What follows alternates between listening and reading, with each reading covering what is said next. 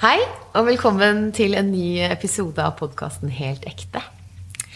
I dag har jeg med, fått med meg en ny gjest. Det er Martin. Velkommen hit. Tusen takk.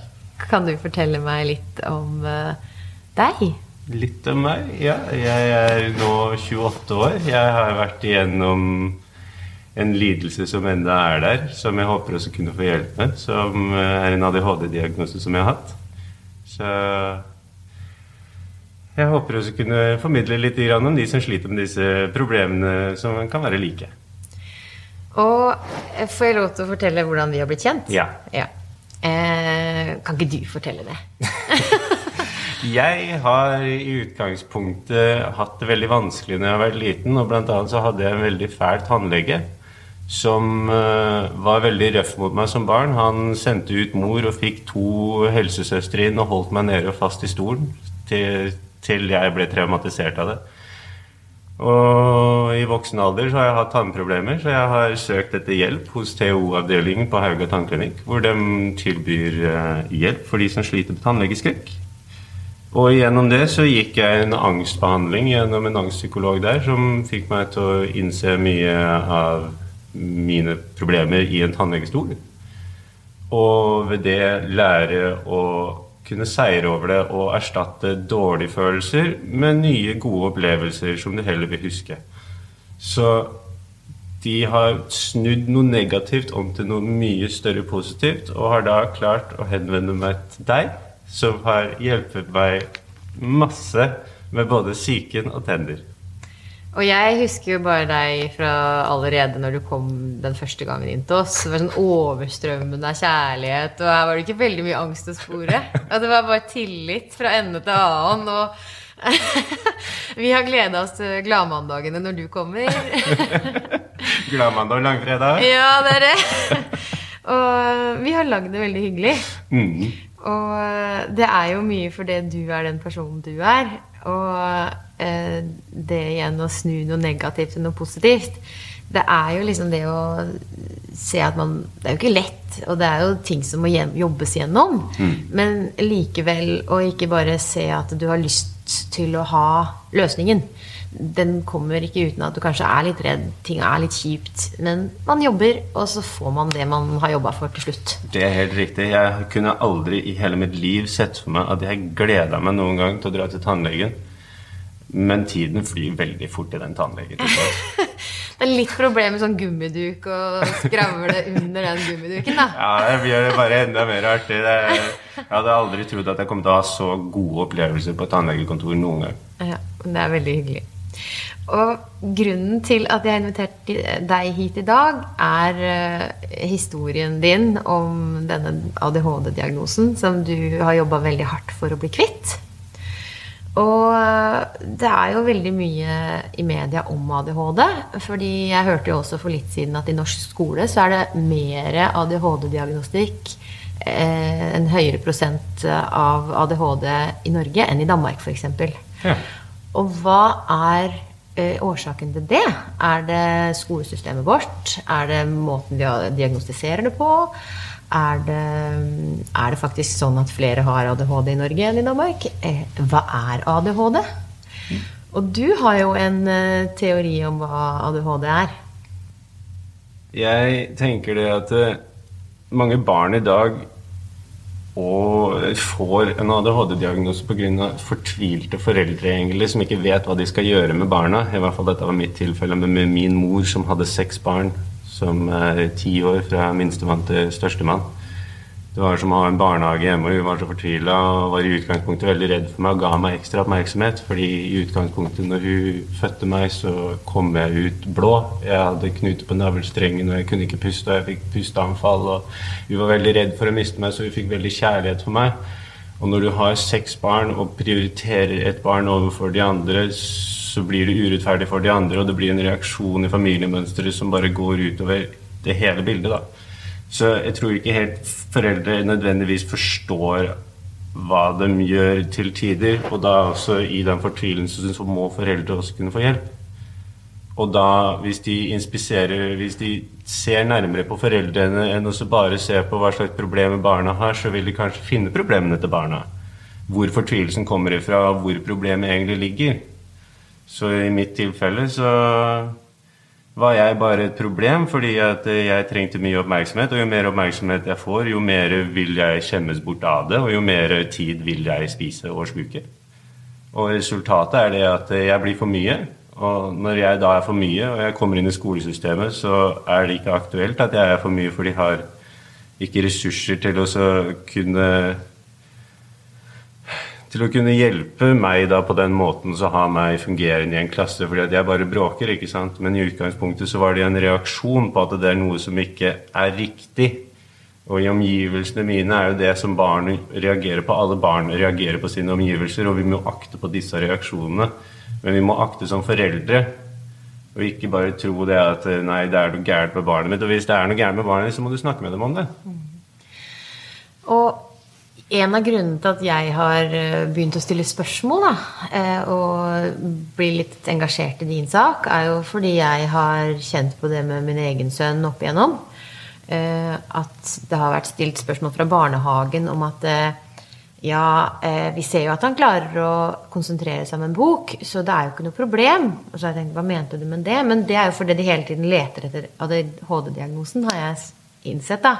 Fordi han er aktiv, han er fysisk. Han sliter litt med å holde fokus, for han har så mange tanker i hodet på en gang. Han bekymrer seg mye, for han ser scenarioer som kommer til å skje. Og jeg kjenner meg jo veldig igjen, fordi jeg alltid har vært sånn. ikke sant? Men jeg har ikke sett det bildet før. Jeg har sett det nå.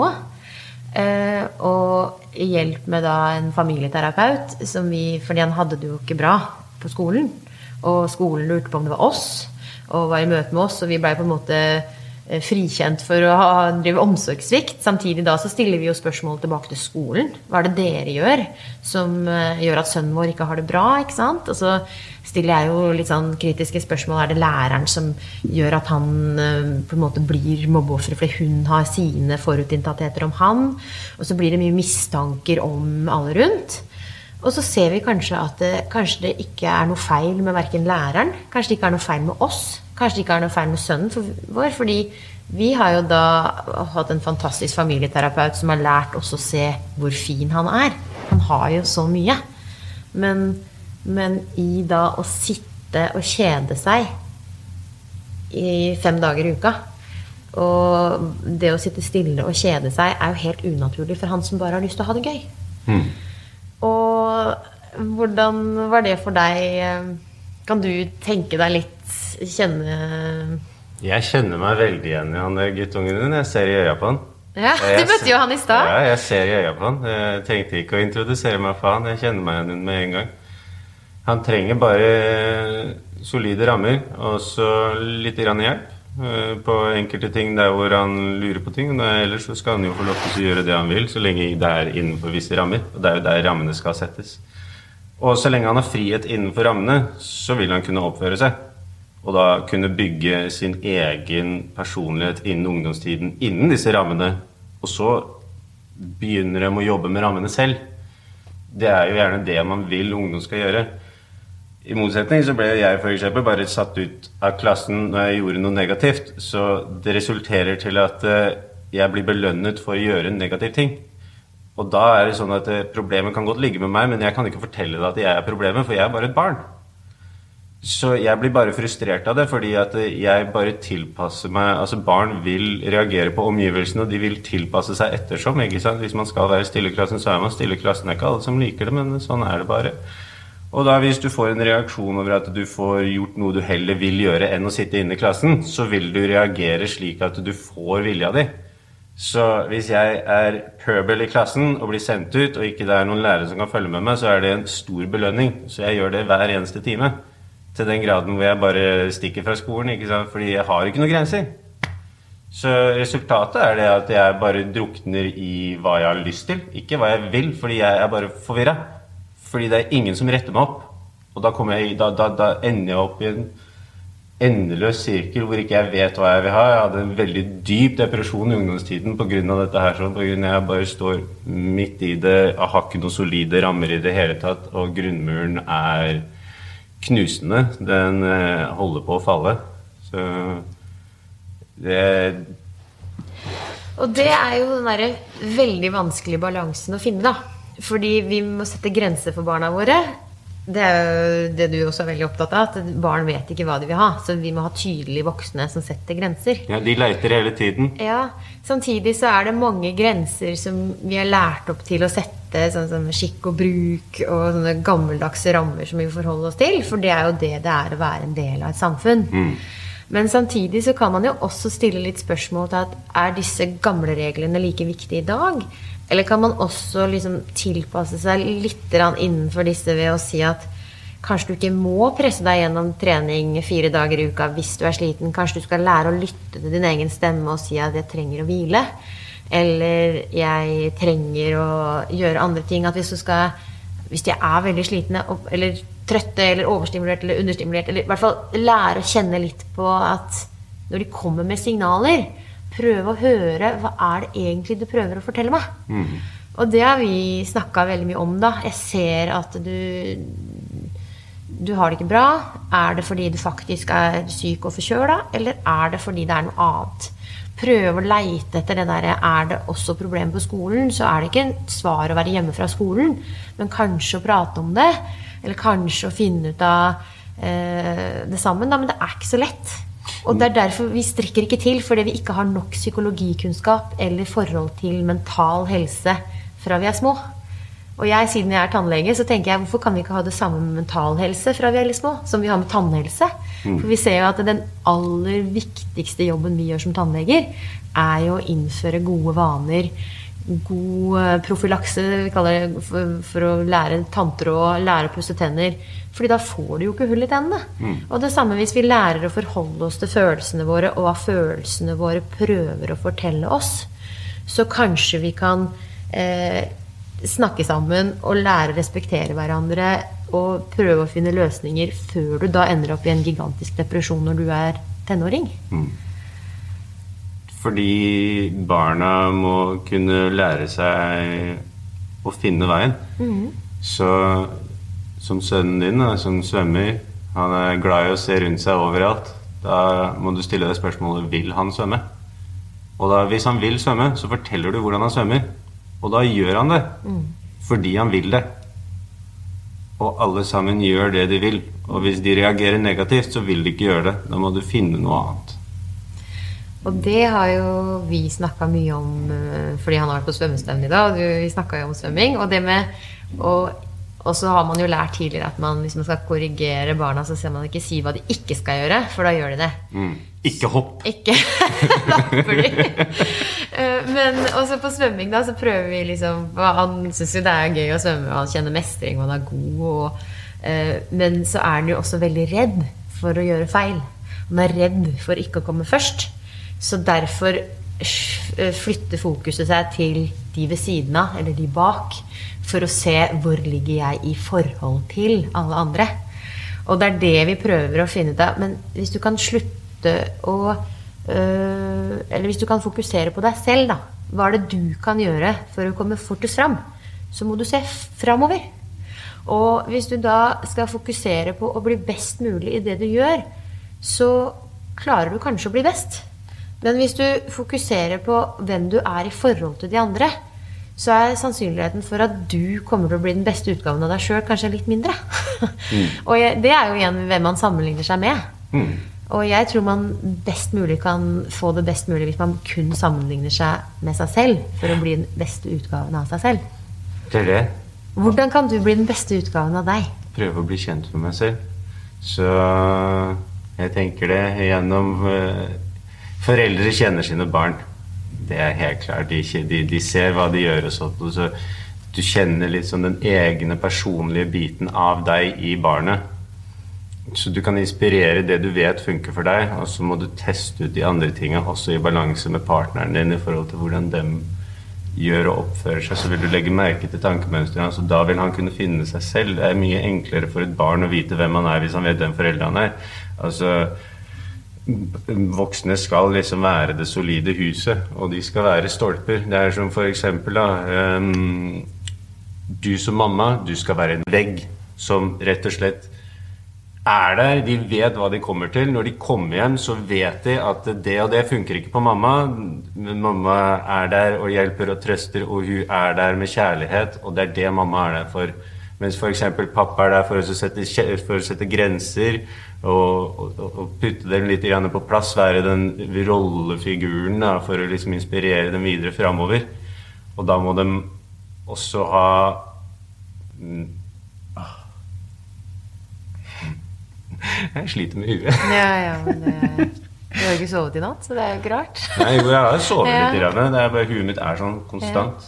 Jeg har en sånn dårlig vane av å dette ut. Fordi at eh, blant annet så når jeg var liten, da, så var jeg veldig sånn som guttungen din. Da, men jeg fikk lov til å se meg rundt. Jeg fikk lov til å se på de andre. ikke sant? Så resultatet av det er det at jeg detter ut fra meg sjøl. Jeg sliter med å koble på meg sjøl i voksen alder. Mm. Det er resultatet av at man følger med på alle andre. Mm jeg ville sagt det at jeg fulgte med på alle andre, jeg også. Men da også kommer en personlighet. Hvis du følger med på alle andre og plutselig ser noen som sliter, så kan du faktisk ende opp med å snu pga. personligheten din. Og da handler ikke om å være først lenger. Nei. Og det har skjedd i flere scenarioer hvor folk som kunne ha vunnet, ikke vinner fordi de vil få med seg nestemann. Ja. Det er det vi skal. Vi må dra hverandre med. Og da må du følge med på hvordan barnet ditt reagerer, og så få dem til å fokusere. Og da må du virkelig finne ut av hva de vil ha, hva de har lyst på. Det kan være en ting. Så for eksempel, da, hvis barnet ditt har lyst på en leke, spør du dem, så, så registrerer du den dagen. Ja, han har nevnt det én gang. Og hvis han nevner kanskje to-tre ganger til i løpet av veldig kort tid, så er det kanskje noe han virkelig vil ha, da. Ja, det har vi også tenkt mye. Ja. Og det jeg tenker da, når vi har vært gjennom dette her, og hvis vi skal spille på lag med skolen For jeg tror jo det viktige er at vi må jo være Vi er jo i et samfunn. Vi må jo prøve å finne ut av de rammene vi har. Eh, mens det jeg har nevnt som en sånn mm, til skolen nå, da, er at det, hva om vi ikke fokuserer på mobbing? Hva om vi fokuserer på gleding, som er det motsatte? Fordi det man fokuserer på, får man mer av.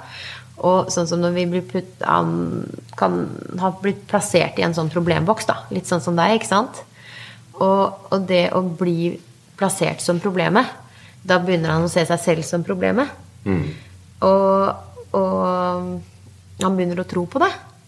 Og jeg tror at hvis vi da skal hele tiden passe inn i bokser, så, så prøver vi å justere oss selv etter å føye oss inn for å passe inn i frykt for å bli avvist. Mm. For i psykologien så viser det seg at det, frykten for å bli avvist er jo faktisk rangert høyere enn frykten for å dø.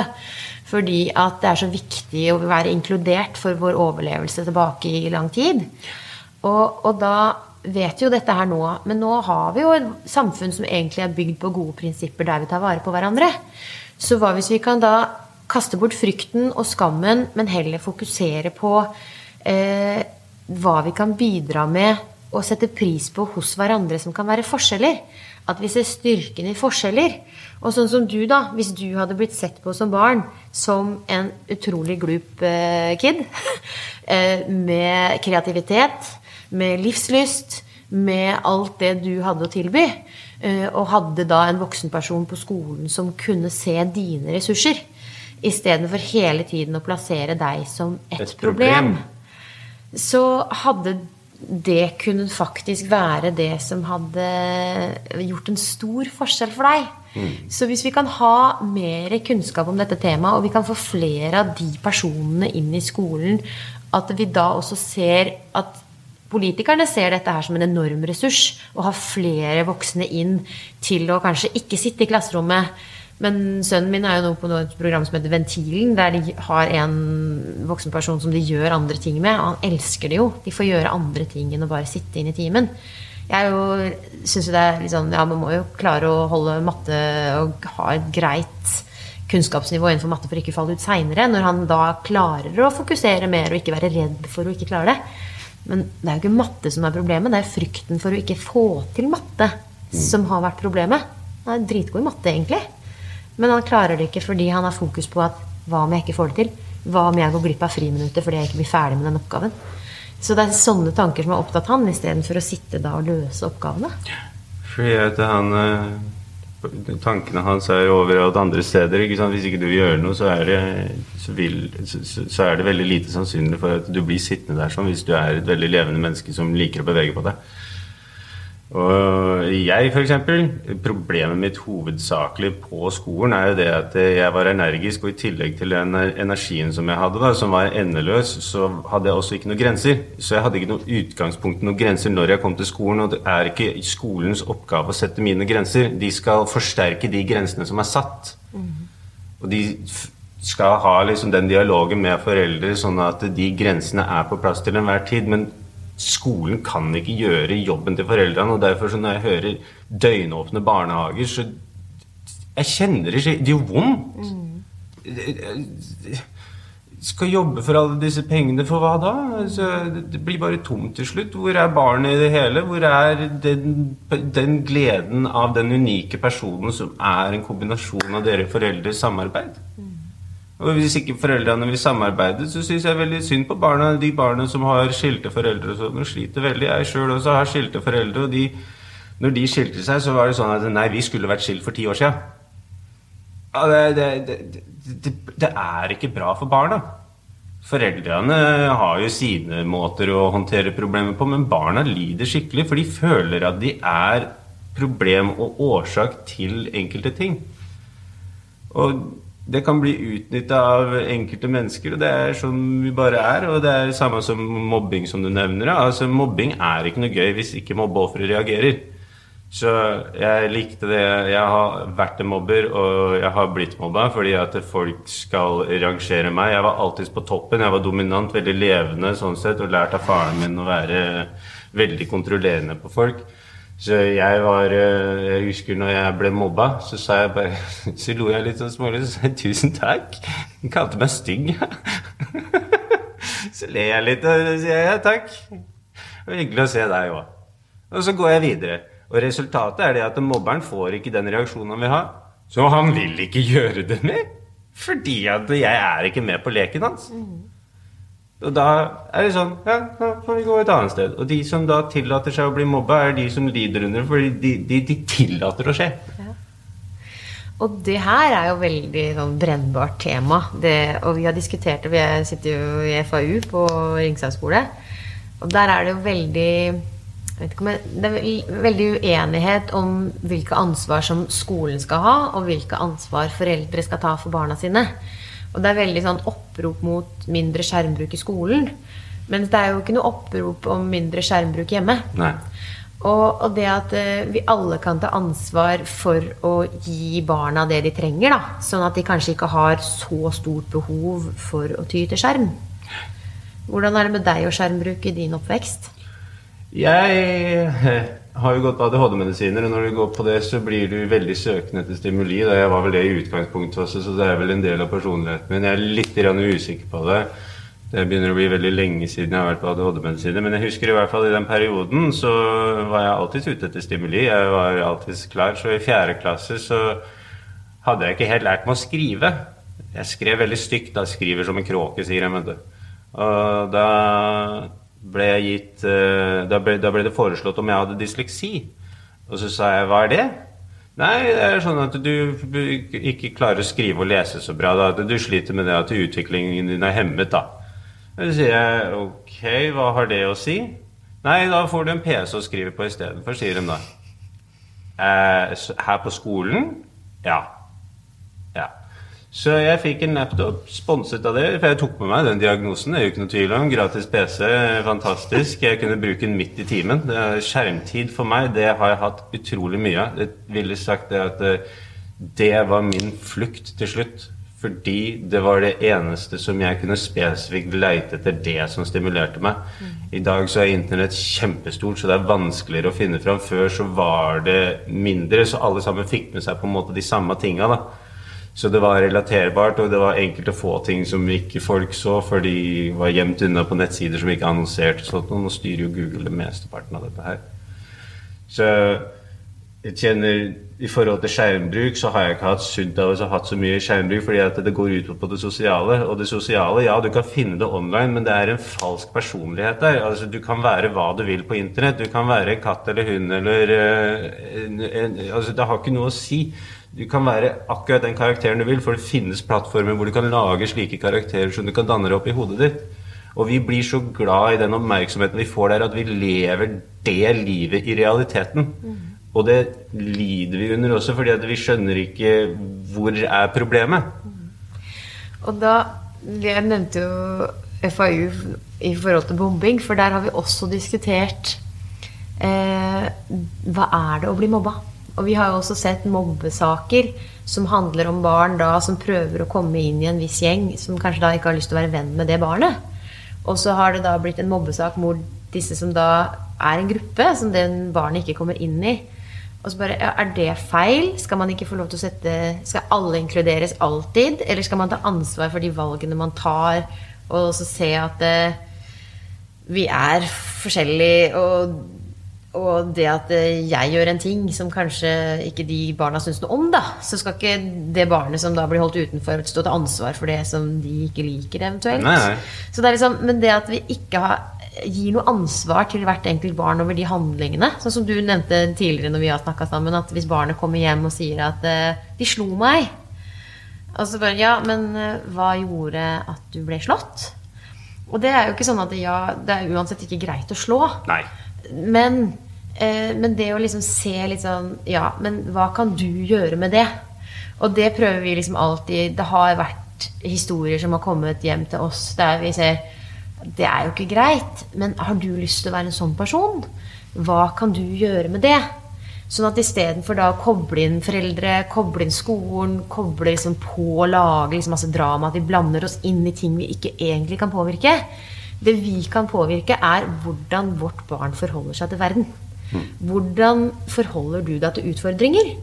Hvordan forholder du deg til andre mennesker du ikke kan styre atferden hos? Og det tenker jeg da, når du snakker om mobbing, at eh, ja, du kan faktisk velge å ikke bry deg, eller ja. drite ut de som prøver å mobbe deg. Ja, Du kan det direkte. og det prøver Alle disse tingene Det beskrives jo i filmer. Og, og, det er liksom Vi vet jo svaret, men problemet er hvordan lever vi det? Mm. Og det å Mens du da har jo en sånn derre indre kraft, da, som jeg Og det Din liksom derre kamp og den derre og hvordan, hvordan har du og hva er egentlig poenget med å bli kvitt en ADHD-diagnose? For det har jo vært en kjempekamp for deg. Det å bli kvitt den ADHD-diagnosen. Hvorfor har det vært så viktig? Fordi livet handler om å finne oss selv i livet. Og jeg kan ikke finne meg selv på en, på en løgn. Og det er jo øh, I psykologien igjen så snakker man om placebo, og så snakker man om nocebo. Og mm. placebo det er noe som man får, en pille som ikke nødvendigvis funker, men du tror på den, så du blir faktisk frisk. Og det er mye forskning på placebo som viser at det virker. Eh, så har vi også nocebo, som hvis det da blir fortalt at du er syk, så kan du faktisk tro at du er så syk at det går skikkelig gærent. Du blir syk. Ja. Du blir syk. Og du har jo da fått planta en tanke i hodet ditt der du har en funksjonshemming. Og da må du forholde deg til den, som du fortalte meg at det er noen mørk noen hindring inni hodet ditt som du må bare få rydda bort.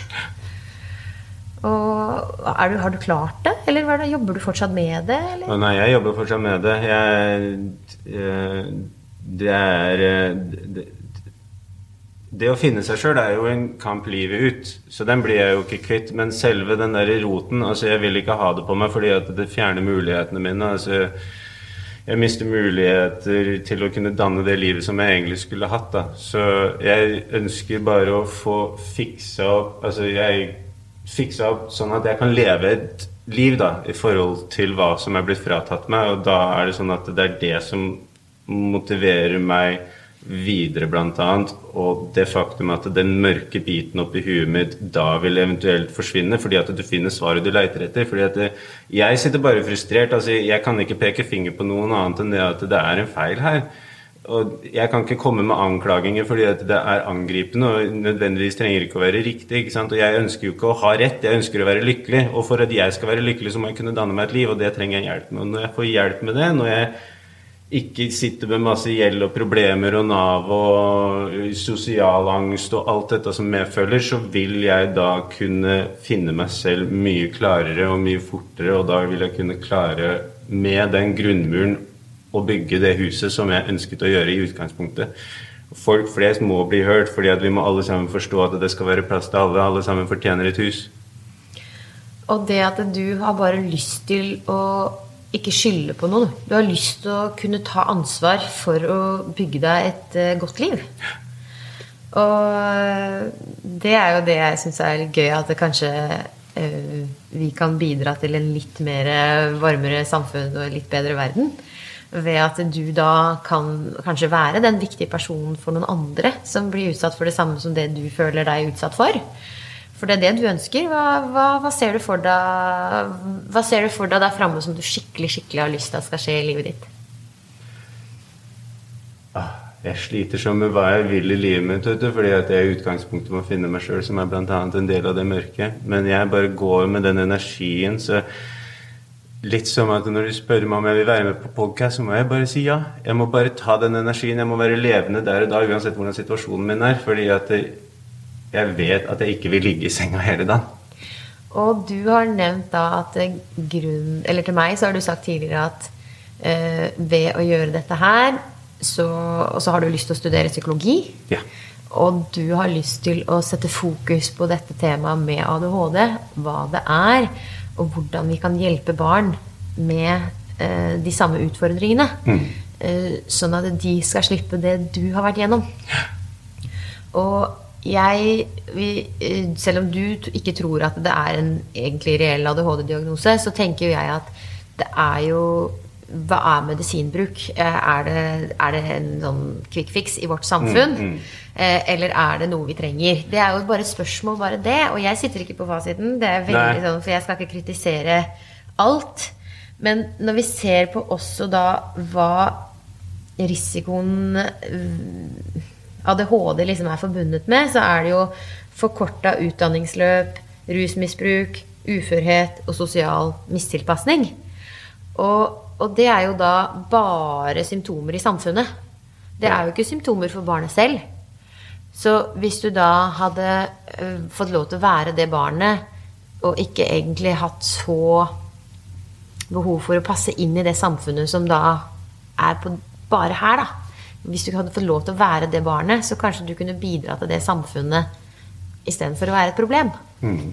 For det er, eh, jeg syns det er veldig urettferdig at uh, når jeg er fem år gammel, så skal folk kunne bestemme at jeg skal gå på piller resten av mitt liv hver dag tre ganger om dagen. Mm. På et A-preparat. Jeg syns det er drøyt. Jeg er ikke uenig i ADHD. Jeg ser at ADHD er et stort problem, og at det er et tema som vil bli snakket om. Jeg er veldig uenig i behandlingsmetodene de bruker. Eh, jeg synes Observasjon er en veldig positiv ting å ha, noe som BUPA gjør, selvfølgelig. Men jeg syns det å introdusere medisiner som på en måte er en snarvei i utgangspunktet for selv voksne mennesker, det er teit. Fordi det virkestoffet der sånn er laga for at vi skal fokusere. Så du gjør meg avhengig av noe som jeg i utgangspunktet ikke var avhengig av. Og jeg sånn Jeg har vært uten ADHD-medisiner i ti år, tenker jeg nå. Og jeg, kan, jeg har tatt en ADHD-medisin litt seinere, og da kjenner jeg det at eh, jeg blir på en måte litt mer quote on quote meg sjøl, men det er den løgnen som kommer tilbake til meg om at dette er hvem du er. ikke sant? Og det er så usunt, fordi at du går i en sånn depresjon. Samme som antidepressiva hjelper ikke for depresjon. De gjør deg litt lykkelig. Jeg skal love deg at du blir mer deprimert av å gå på antidepressiva, fordi at det er sjukt vanskelig å komme seg av det. Mm.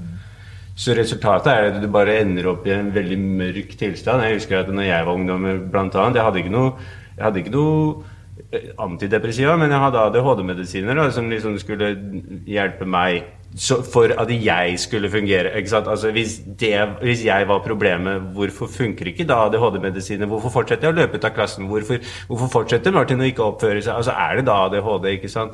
Og da selv når jeg er på medisiner, så er jeg bare aktiv og levende. Og det blir sånn at når ingen plukker opp på det, og du går inn i ungdomstida, så blir du så depressiv. Jeg husker jeg satt og så på folk som hoppa ned fra bygninger grafisk uten noe sensor eller noen ting. Rett opp, ned, henge seg, kutta hverandre hodet og alt sammen på internett sammen med en kompis. Og vi satt og lo oss i hjel. For vi var så kyniske. For du, du blir så død innvendig. Altså, Du har liksom ikke noe igjen for noen, og ikke deg selv engang. Og det er så farlig, for det mørke hølet der sånn er veldig vanskelig å komme seg ut av. Og aleine kommer du deg sjelden ut. Så da må du akseptere det at når du får en hånd som tilbyr deg hjelp, så må du ikke bite den. Mm. For så fort du biter den hånda, så lukker den døra seg. Mm. Samme som at jeg kan ikke sitte og klage på Nav. Jeg er veldig glad for at vi har Nav her i Norge. Hvis jeg hadde sittet og snakka skit om Nav her sånn nå, så går jeg og biter den hånda som mater meg. Det har jeg ingen behov for. Jeg syns det er veldig flott at vi har den løsningen som vi har i Norge. Og så syns jeg det er kjipt at uh, vi er så egoistiske at vi skal kunne utnytte altså, av hverandre. Den amerikanske drømmen sier jo um, uh, Den amerikanske drømmen er ironisk nok å ta pengene dine. Og jeg syns jo det er så utrolig sterkt å høre om deg som har sett dette mørke hølet og vært eh, der at du ikke egentlig har noe verken å leve eller dø for, da. Ja, og ingen steder å strekke meg til heller. Nei. Og nå noe med mm, Også med selvmordsstatistikken og psykiske problemer som bare er økende. Og jeg tenker jo også da, eh, når vi ser at det er veldig mange som roper om hjelp, og ser at hva er det med vårt samfunn som gjør at det ikke funker for så mange? Og når vi ser igjen på hvordan samfunnet har vært gjort at vi korrigerer barna til å bli små voksne som oss selv, og passe inn sånn som samfunnet er per i dag Og rundt meg så ser jeg veldig mange som setter spørsmålstegn til at samfunnet er jo ikke så bra. Vi går i hamsterhjulet, som jeg ser på som en sånn overlevelsesmodus. Eh, og vi, vi, gjør jo ting som mange sier at ja, ja, det er bare ting vi må. Det er jo mange som bare er egentlig misfornøyd med både fremtidsutsikter for verden De har gitt opp? Folk har gitt opp. Og så likevel så bare fortsetter vi å uh, masseprodusere inn i noe som kanskje da viser seg å ikke funke så godt. Mm. Og da syns jeg det er liksom å stille spørsmål til hvordan vi kan snu, da. Og det å, jeg tror jo på det at vi ser det positive i hverandre, og den kjærligheten du snakker om. Og det er bare liksom at uh, vi heier på hverandre, rett og slett. Istedenfor å være så kyniske og se glede i at andre plages. Jeg tror jo at vi har mer godt i oss, og hvis vi lærer å heie, så ser vi at vi skinner sterkere sammen. Jeg tror barn legger veldig merke til dette her, så mer enn noen andre. Og jeg er også de der guruene som eh, jeg begynner å lytte mer og mer til, som sier um, at vi skal vi korrigere barna våre til å bli som oss når vi ikke er så fornøyd med det samfunnet vi har? Eller skal vi inspirere barna våre til å bli de beste utgavene av seg selv? Og kanskje korrigere lærerne, sånn at de skal se disse barna og de tingene i barna som kan gjøre dem til det beste versjonen av dem selv. Mm. Og jeg tror at det er så mange visdomsord som har ligget der uh, i all tid, som vi nå har uh, burde være i stand til å samle. Da. Det er så mye kunnskap i psykologi, filosofi, biologi, hvordan alt fungerer sammen, at vi burde klare å finne nye løsninger. Og ikke bare basere hele samfunnet på veldig, veldig gamle tanker uh, for å organisere oss opp til store samfunn. Så det er jo bare mange, mange spørsmål å ta tak i. Og jeg skulle nå tenke at uh, vi burde avslutte. Nå har tida gått fra oss. Tusen takk for at du ville komme. Tusen takk for at du ville ha meg, Cecilie. Det er så hyggelig at det Jeg setter stor pris på at du har uh, kommet inn i livet mitt. Ja, i like måte. Det er en veldig fin balanse. Ja. Jeg føler vi, må, vi trenger hverandre, og vi burde gå dit vi er tiltrukket. Ja. For da, der skjer det noe. Stole på det, det følelseskompasset og verdikompasset vårt, ja. så uh, kommer gode avgjørelser. Det gjør det. Ikke fordi vi er redd for at du uh, ser annerledes ut enn meg. Og da tilpasser plutselig hodet seg til hjertet ditt, istedenfor at hjertet ditt skal tilpasse seg til hodet ditt. Med de uh, filosofiske, gode visdomsordene så sier vi takk for i dag. takk for i dag.